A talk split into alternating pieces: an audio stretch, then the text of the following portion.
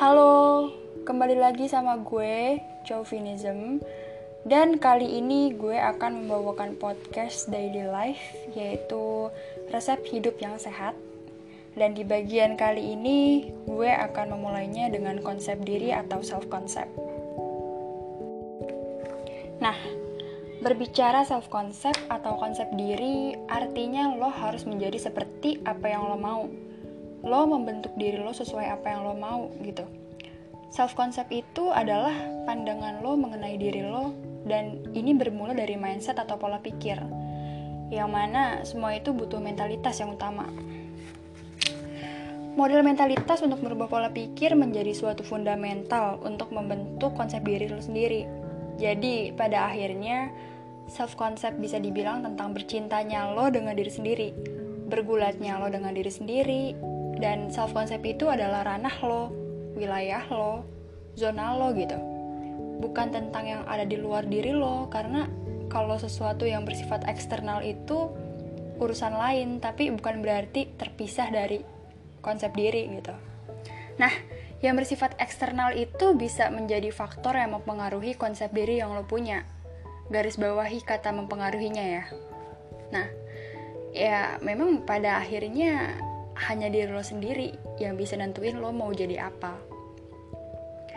Ketika lo udah berpikir mengenai suatu entitas yang lo inginin, misalkan menjurus ke suatu profesi atau ke karakter-karakter lain yang juga bisa meningkatkan self-esteem lo deh. Nah, dengan lo mau menjadi apa, akan memunculkan karakter-karakter yang semakin memperkuat kepercayaan lo terhadap entitas yang lo inginin. Menurut gue, dengan taunya lo mau jadi apa, itu basic banget karena akan menuntun lo untuk mencari jalan bagaimana cara mewujudkan apa yang lo mau itu dan bagaimana caranya tetap mempertahankan entitas yang lo mau. Jadi, lo akan selalu mencari atau ingin mengalami hal yang menjadi pembenaran-pembenaran gitu akan suatu entitas yang lo mau.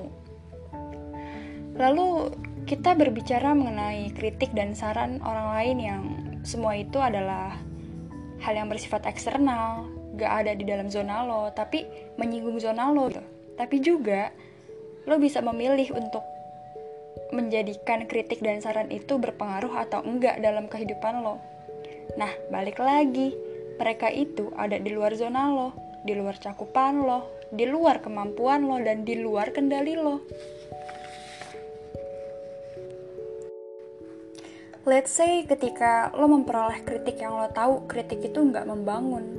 Nah, kalau emosi lo yang berbicara, lo punya dorongan atau perasaan ingin menantang, menggertak, memberontak, bahkan lo punya rasa buat menentang apa yang dia katakan Lo ingin mengendalikannya gitu. Tapi secara empiris nih ya, secara faktual, kenyataannya adalah dia yang mengkritik lo bukan kesatuan dari diri lo. Dia adalah orang lain di luar kendali lo, sehingga mau gimana pun lo nggak bisa mengontrol mereka. Terus apa yang bisa lo lakuin? Ya lo punya otak untuk berpikir, dan lo punya konsep diri gitu. Bukan berarti kritik dan saran itu nggak penting, tapi lo bisa dan mampu untuk menyaring kritik dan saran ke dalam otak lo. Lo melakukan analisis di dalam otak lo. Let's say otak lo itu melakukan analisis mengenai isi dari kritik dan saran itu untuk memilih sekiranya adakah value-value yang kompatibel untuk konsep diri yang lo punya. Kalau valuable dan cocok, ya lo terima. Mudahnya, dengan lo punya konsep diri, lo gak menerima informasi dengan mentah, apalagi entitas lain yang mencoba memengaruhi lo gitu. Makanya gak jarang ya, kalau lo yang udah punya konsep diri nih sering banget dibilang cuek, masa bodohan. Banyaklah kalimat yang menggambarkan kalau diri lo itu adalah sosok yang apatis. Padahal mah enggak. Ya karena mereka gak sepenuhnya tahu tentang diri lo. Lo pun gak perlu merasa bersalah ketika lo bertindak tidak sesuai dengan apa yang mereka harapkan gitu.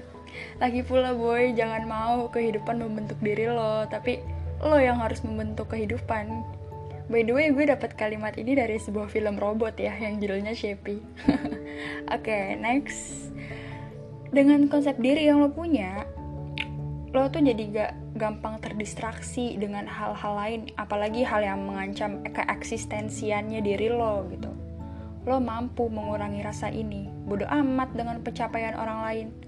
Sikap ini bukan berarti lo apatis, konsepnya beda, kita gak lagi bahas itu. Jadi, dengan konsep diri yang lo punya, membantu lo untuk fokus mengenai apa yang lo mau dan membantu lo untuk mencapai tujuan lo, sekalipun orang lain berusaha untuk melencengkan jalan yang lo tempuh. Ya, lo udah kebal, udah kuat, tetap berada di jalan lo gitu. Terus, gimana untuk tetap menjaga keeksistensian diri lo dan konsep diri yang lo punya? Sebetulnya gue udah singgung ya tadi, tapi di sini gue rangkumin lagi menjadi beberapa poin. Yang pertama itu saring informasi. Karena sekarang itu media-media penyedia informasi tuh jauh lebih berpotensi menjadi hal yang paling mendistraksi deh. Oke okay lah kalau lo butuh bacaan jokes atau butuh hiburan yang bikin lo ketawa gitu. Tapi secukupnya aja. Kalau lo merasa berlebihan, ya lo harus tegas dengan diri sendiri untuk menyetop sampai situ aja. Biar otak lo itu gak terus-terusan diisi dengan hal-hal yang kurang informatif. Yang kedua, buat majalah dinding atau karya tulis sesuai bidang lo. Ini sih lebih ke daily life gue ya, gimana caranya gue tetap menjaga konsep diri yang gue punya adalah gue menciptakan suatu majalah dinding di kamar yang sederhana gitu, simple aja gitu, gak usah susah-susah. Atau kalau lo mau, lo bisa merombak kamar lo menjadi sebuah galeri yang isinya mengenai minat dan bakat lo. Terus apa yang gue la lakuin di banding itu? gue ambil sticky notes dan menulis self mantra untuk diri gue sendiri. Ya lo pun bisa melakukan hal yang sama. Tulis aja kata-kata I'm worthy, I'm creative, I'm valuable, I'm smart, I love myself, I have growth mindset, I'm capable of dan masih banyak lagi contoh frasa yang bisa meningkatkan kepercayaan diri lo mengenai konsep diri yang lo mau atau yang lo ciptakan. Kenapa harus banget ngelakuin itu? Karena ya, setiap lo membaca frasa-frasa itu di dinding kamar lo, nah itu bakalan mengendap di alam bawah sadar lo. Yang ketiga, singkirin hal yang bersifat toksik. Lo lebih tahu deh diri lo itu suka dengan barang atau orang yang seperti apa. Lo yang lebih tahu lo itu suka berbaur di tempat yang seperti apa. Itu semua adalah lo yang tahu. Nah, oleh karena itu nih, lo memegang kuasa penuh atas diri lo dan keadaan lo sendiri. Yang ketiga ini sebenarnya lebih menjurus ke faktor lingkungan ya. Lo bisa membentuk lingkungan yang lo inginkan sendiri untuk membuat lo tetap pada konsep diri yang lo punya gitu. Lo memilih orang-orang yang worthy untuk lo temenin. Kenapa perlu memilih? Ya balik lagi kayak konsep di awal tadi yang udah gue jelasin. Kalau gak memilih, let's say ketika lo dikelilingin dengan orang-orang yang membuat lo merasa gak berharga, gak berkembang dan terkungkung di suatu tempat ngestak gitulah istilahnya. Ya lo bakalan menjadi semua itu dan gak bisa mewujudkan konsep diri yang lo mau. Tapi kalau lo memilih untuk menciptakan lingkungan sosial yang sehat lo bakalan mampu untuk mewujudkan konsep diri lo bahkan ketika lo dikelilingin dengan orang-orang yang gak punya karakter atau habits yang bagus dan baik secara gak sadar mereka itu memperkuat konsep diri yang lo punya nah itu dia sekiranya tiga poin yang gue rangkum dan pembahasan mengenai konsep diri. Kalau lo masih nggak ngerti, kita bisa diskusin secara langsung karena jujur ini kompleks banget.